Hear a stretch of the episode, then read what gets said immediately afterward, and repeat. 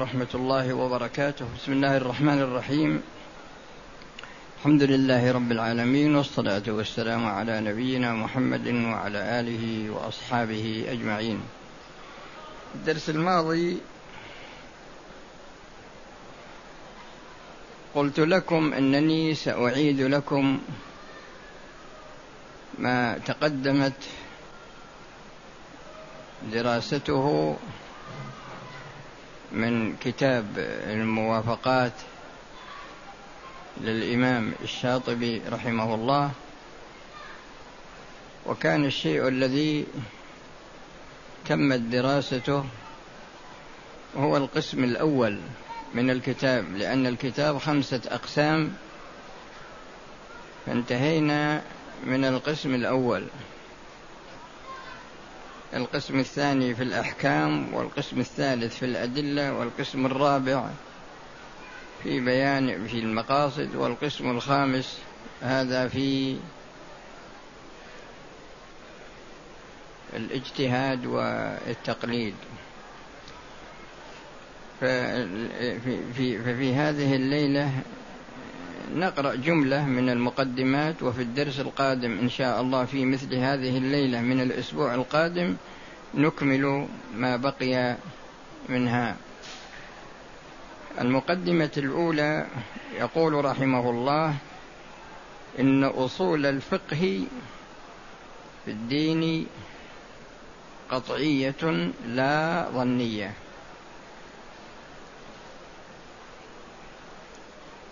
وذكره جملة من الأدلة ترجعون إليها لكن المهم هو فهم هذه القاعدة.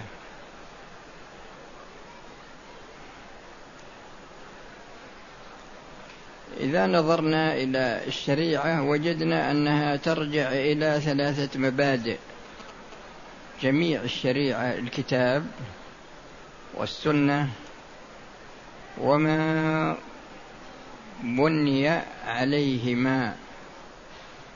ترجع إلى ثلاثة مبادئ المبدأ الأول مبدأ الضروريات والثاني مبدأ الحاجيات والثالث مبدأ التحسينيات وهذه القواعد الثلاث هي قطعية. لأن الضروريات فيها حفظ الدين وحفظ النفس وحفظ النسل والعرض وحفظ العقل وحفظ المال. والحاجيات راجعة إليها والتحسينيات كذلك. لكن المهم أن هذه هي المبادئ الثلاثة التي ترجع إليها جميع الشريعة. يبقى بعد ذلك في ثلاثة أصناف من القواعد ترجع إلى هذه المبادئ الثلاثة. الصنف الأول قواعد الأصول التي يذكرها علماء الأصول والثاني قواعد الفقه والثالث قواعد مقاصد الشريعة. هذه المبادئ الثلاثة هذه الثلاثة هذه الأنواع الثلاثة أيضا هي قطعية. لأننا إن نظرنا إلى الكتاب والسنة والإجماع والقياس وما, وما إلى ذلك وجدنا أنها كلها قطعية. وإذا نظرنا إلى القواعد المستخرجة لأن فيه القرآن والسنة تجدون أن الدليل الواحد يكون قاعدة. مثل ولا تزر وازرة وزر أخرى. ومثل ما يريد الله ليجعل عليكم من حرج ومن السنة مثل حديث لا ضرر ولا ضرار. وكثير في القرآن الآية الواحدة يستخرج منها قاعدة عامة. فقواعد الأصول ومثل قاعدة ومثل الآن قاعدة أن الأمر المجرد يقتضي الوجوب يعني وجود الوجوب في الشريعة. وجود الحرام في الشريعة وجود المندوب وجود المكروه وما إلى ذلك كل هذه الأمور تجدون أنها قطعية. ومثل إذا نظرنا إلى أوامر الله وجدنا أن الله لا يأمر إلا بمصلحة وهذا أمر قطعي. وإذا نظرنا إلى التحريم وجدنا أن الله لا يحرم شيئا إلا من أجل مفسدته وهذا أيضا قطعي. فالمقصود أن قوله هنا أصول الفقه في الدين قطعية لا ظنية سواء فسرت الأصول بالكتاب والسنة والإجماع والقياس يعني الأشياء التي يذكرها الأصوليون أو فسرته بالقواعد العامة. بالقواعد العامة المأخوذة مثلا المأخوذة مثلا مثل ما ذكرت لكم قبل قليل من الأمثلة. وكذلك بالنظر إلى آه، القواعد العامة من ناحية آه، وجود الوجوب في الشريعة ووجود التحريم. وكما ذكرت لكم أيضا إن قاعدة الأمر أن الله لا يأمر إلا بما فيه مصلحة. وقاعدة النهي أن الله لا ينهى إلا عما فيه مفسدة. وتفسير أصول الدين أصول الشريعة بهذه الأمور الثلاثة هذا يعني ليس فيه شيء. فالمقصود أن أصول الفقه بهذه التفاسير الثلاثة كلها قطعية. والشيخ رحمه الله ذكر ثلاثة أدلة بإمكانكم أنكم ترجعون إليها لكن المهم هو فهم القاعدة. آه، المقدمة الثانية المقدمة الثانية يقول إن المقدمات المستعملة في هذا العلم يعني في أصول الفقه أن المقدمات المستعملة في هذا العلم والأدلة المعتمدة فيه لا تكون إلا قطعية.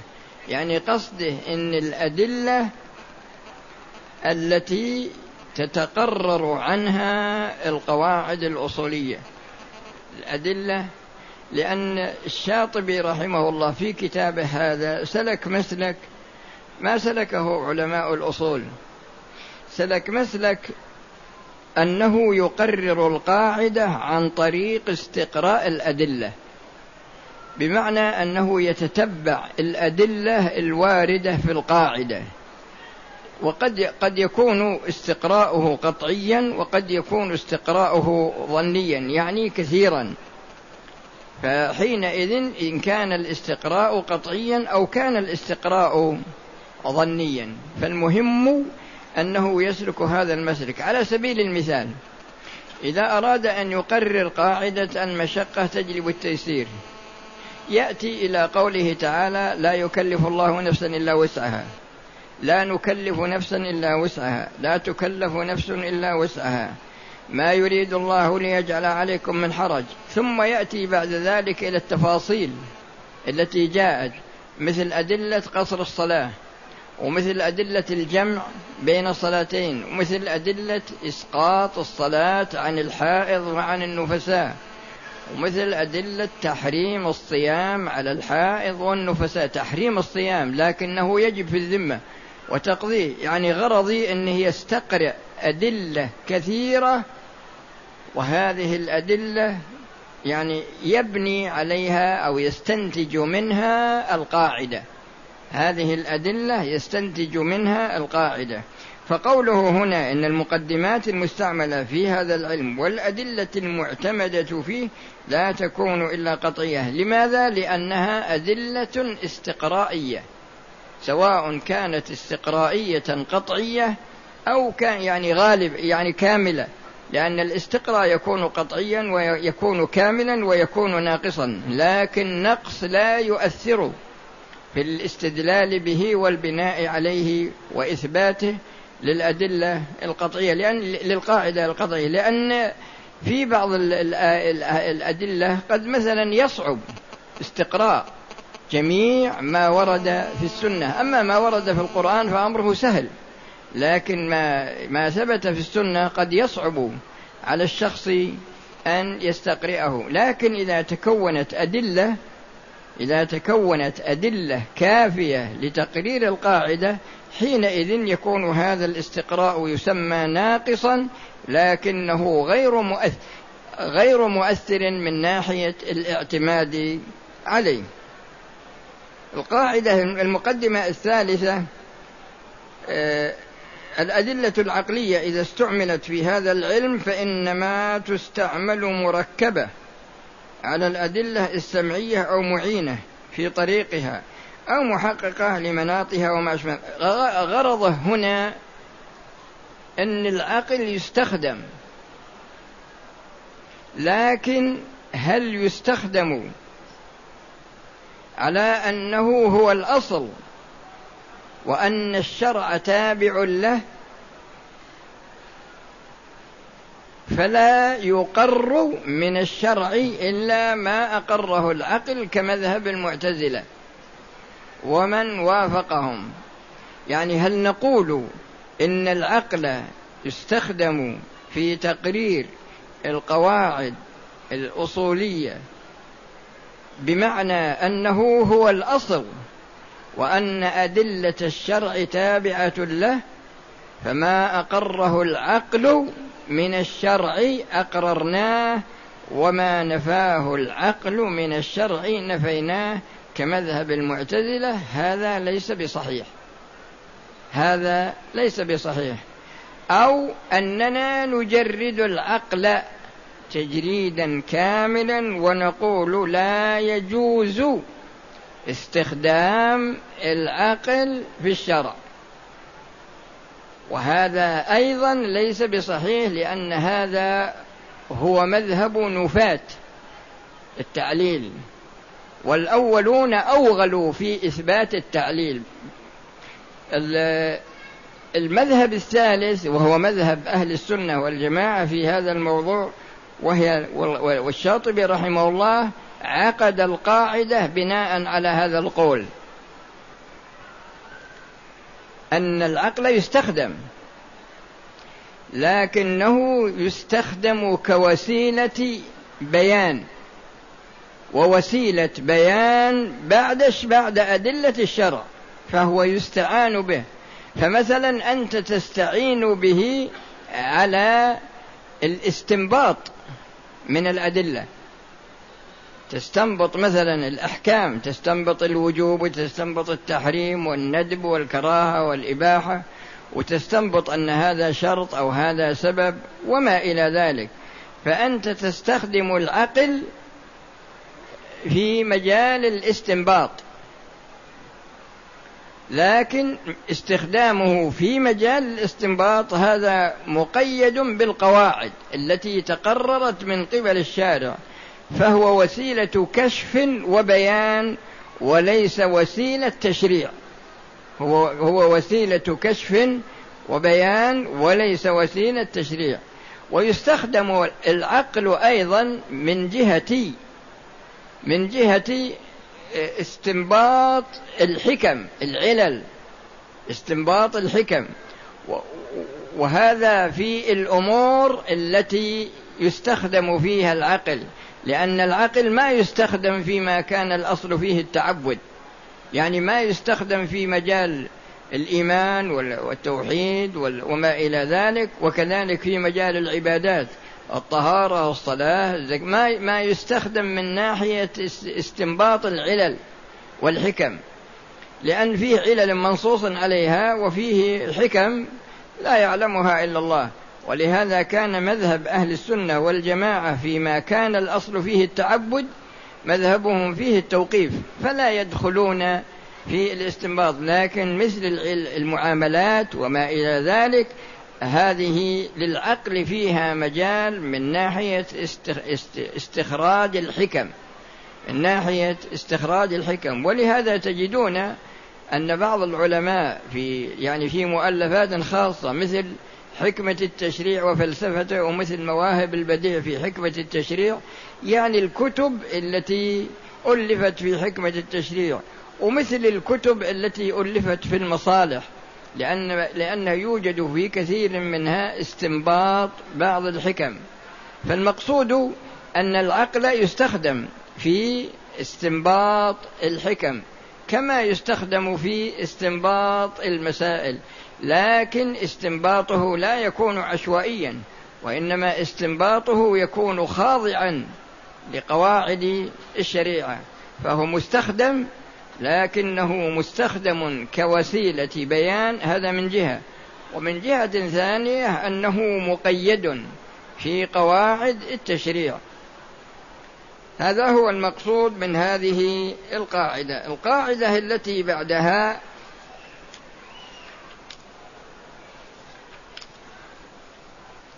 المقدمة الرابعة كل مسألة مرسومة في أصول الفقه لا ينبني عليها فروع فقهية أو آداب شرعية أو لا تكون عونا في ذلك فوضعها في أصول الفقه عارية. قصده من هذه المقدمة أنه يوجد يوجد مسائل يوجد يعني يوجد بحوث وذكر منها هو جملة ترجعون إليها. وذكر جملة يعني في في مسائل الأصول يعني مباحث عندما تب يعني تتوغل فيها وتنتهي من بحثها لا تجد نتيجة فقهية مترتبة عليها. هو يقول إن هذا النوع من المسائل إدخالها في أصول الفقه هذا إدخال للشيء في غير محله. وفيه كتب مؤلفة في يعني في المسائل التي أدخلت في أصول الفقه ولكنها ليست منه في رسالة دكتوراه وفي رسالة ثانية أيضا في المسائل المشتركة. بين أصول الفقه وبين يعني علم اللغة. هي مشتركة هي لغوية من جهة ولكنها تخدم جانب أصولي من جهة أخرى. وفيه أيضا هذا كتاب اسمه كذا المسائل المشتركة بين أصول الفقه واللغة العربية. فالمقصود أنه يقول أن هذا النوع من المسائل إدخاله في الأصول في أصول الفقه ليس من ليس من ليس ليس من أصول الفقه. القاعدة التي بعدها ترجعون عاد إلى ما ذكر لكن هذا هو أصل الموضوع. القاعدة المقدمة الخامسة يقول كل مسألة لا ينبني عليها عمل فالخوض فيها خوض فيما لم يدل على استحسانه دليل شرعي. وأعني بالعمل عمل القلب عمل الجوارح من حيث هو مطلوب شرعا. هذه المسألة هي عقدها من ناحية الفروع. ناحية الفروع. بمعنى أن الشخص لا يشغل لا يشغل نفسه في البحث عن المسائل العلمية إلا إذا كانت المسألة ينبني عليها عمل في الجوارح. عمل السمع عمل البصر عمل الشم عمل الذوق عمل اليد مثلا عمل البدن وما إلى ذلك. عمل أو عمل القلب يعني عمل الجوارح أو عمل القلب. فإذا كان لا يترتب عليها عمل قلب ولا عمل جوارح فإشغال الإنسان نفسه في هذه المسألة إشغال في غير محله. وذكر جملة من الأمثلة. منها يقول قوله تعالى يسألونك عن الأهلة. السؤال الذي سألوه هم يسألون عن القمر لماذا يبدو صغيرا؟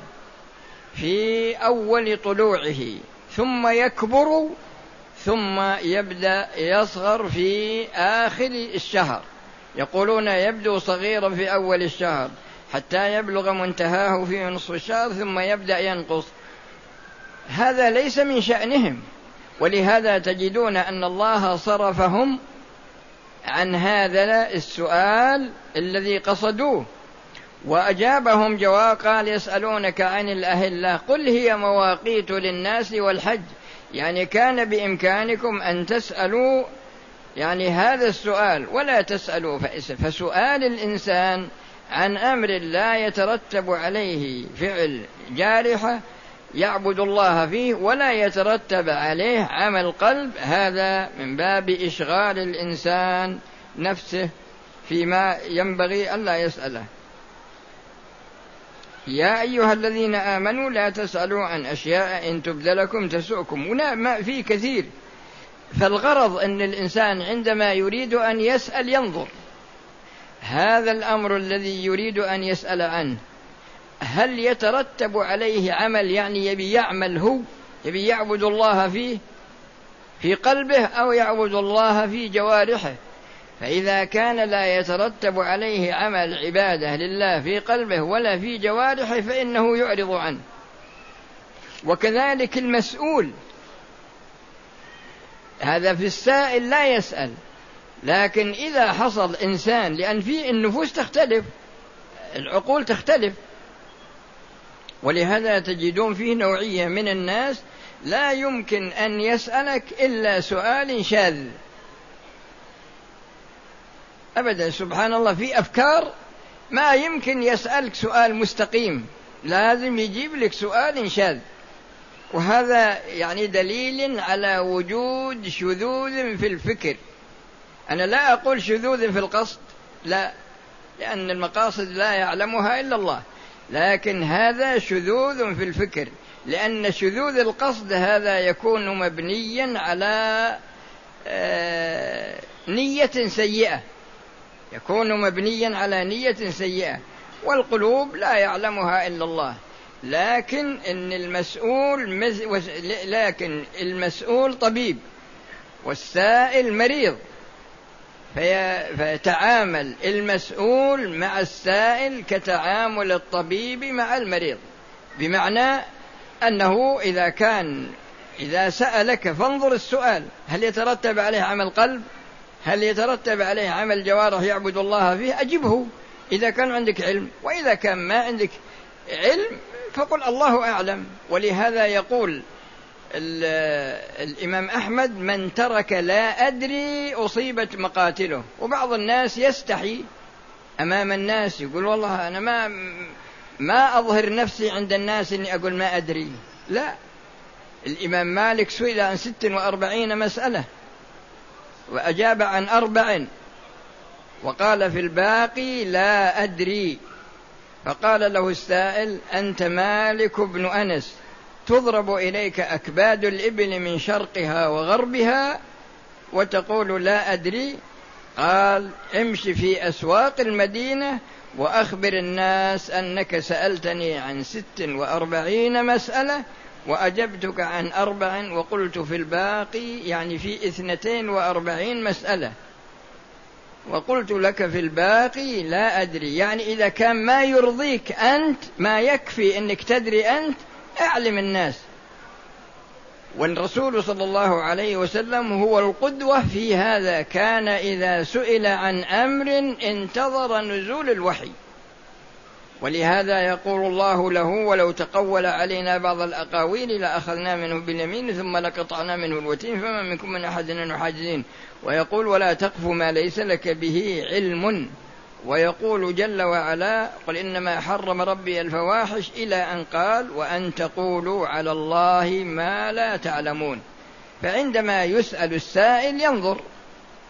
إذا كان عنده جواب يعني يعتقد صوابه فإنه يجيب.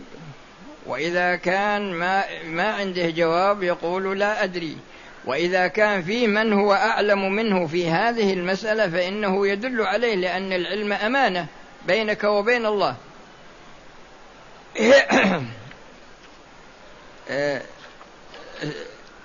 المقدمة التي بعدها.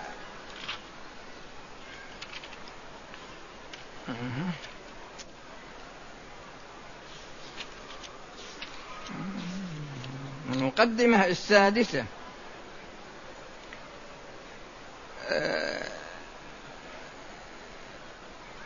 هذه المقدمة وضعها رحمه الله بالنظر إلى الشخص الذي يعلم. ويقول إن الشخص عندما يريد أن يعلم يخاطب المتعلمين بالوسيلة التي يفهمونها ولا يخاطبهم بالوسائل التي فيها عمق بحيث أنه لو خاطبهم بها لما فهموا.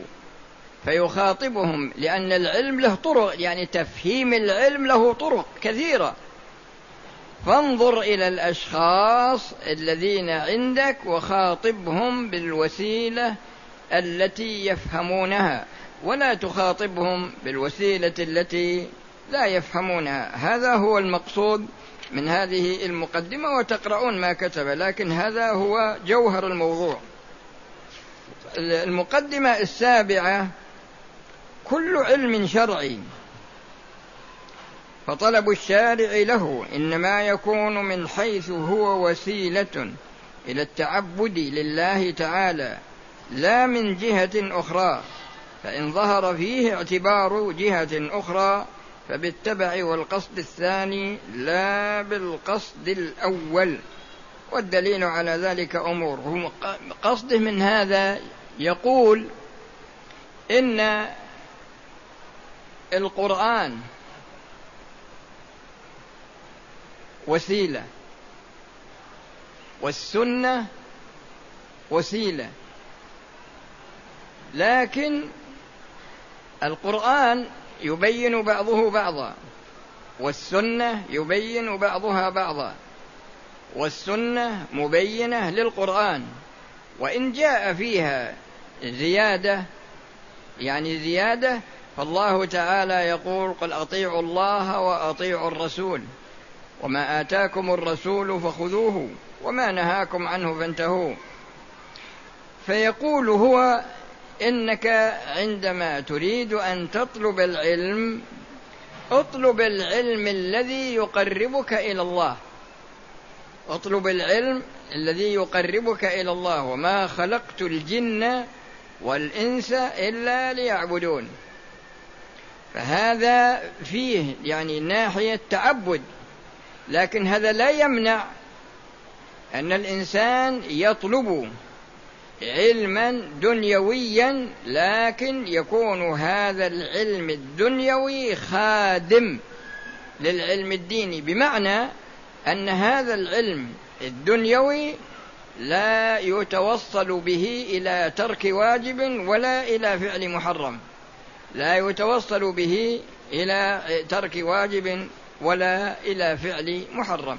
فأشغل نفسك في العلم الذي يقربك إلى الله جل وعلا. هذا المقصود. وذكر جملة من الأدلة والآيات ترجعون إليها لكن هذا هو لب الموضوع. قاعدة المقدمة التي بعدها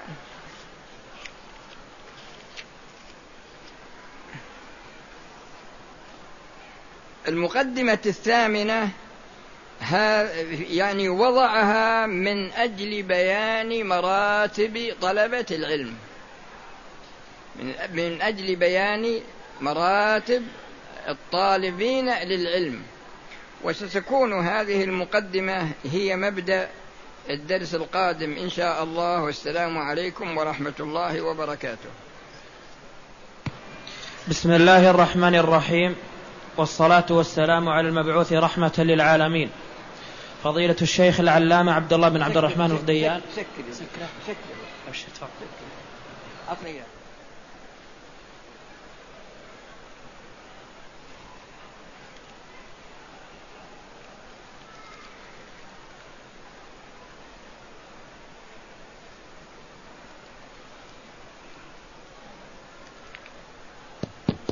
هذا يسأل يقول ما هي الأدلة التفصيلية؟ والأدلة الإجمالية. عندما نقول دلالة الكتاب دلالة الكتاب دلالة السنة دلالة الإجماع دلالة القياس وما إلى ذلك أو نقول مثلا عندما نقول الأمر المجرد عن القرائن يقتضي الوجوب ثم نأتي ونقول الله تعالى يقول وأقيموا الصلاة. فتجدون إن الدليل التفصيلي هو الدليل الذي يدل مثلا على مسألة واحدة أو يدل على نوع لأن قوله لأن قوله تعالى وأقيموا الصلاة وآتوا الزكاة هذا وآتوا الزكاة هذا يرجع إلى ركن من أركان الإسلام. وأقيموا الصلاة هذا يرجع إلى ركن من أركان الإسلام. ومثل نقول إن إن النهي يقتضي التحريم. النهي يقتضي التحريم. ثم نأتي ونقول إن قوله تعالى ولا تقربوا الزنا إنه كان فاحشة وساء سبيلا. هذا يدل على تحريم الزنا فتجدون إن الأدلة الإجمالية يعني عبارة عن القواعد عن قواعد الأصول التي سبقت أو الدليل التفصيلي هذا تجدون أن الدليل المعين لمسألة معينة.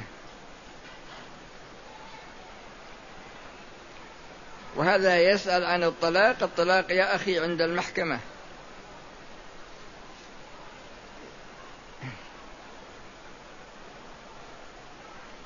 لا يزني الزاني حين يزني وهو مؤمن وأن الإيمان ينقص عن الزاني حين زناه. الزاني عندما في حالة مباشرته للزنا يرتفع الإيمان عنه كالظلة فإذا انتهى من الزنا رجع إليه الإيمان لكنه ناقص. فقوله صلى الله عليه وسلم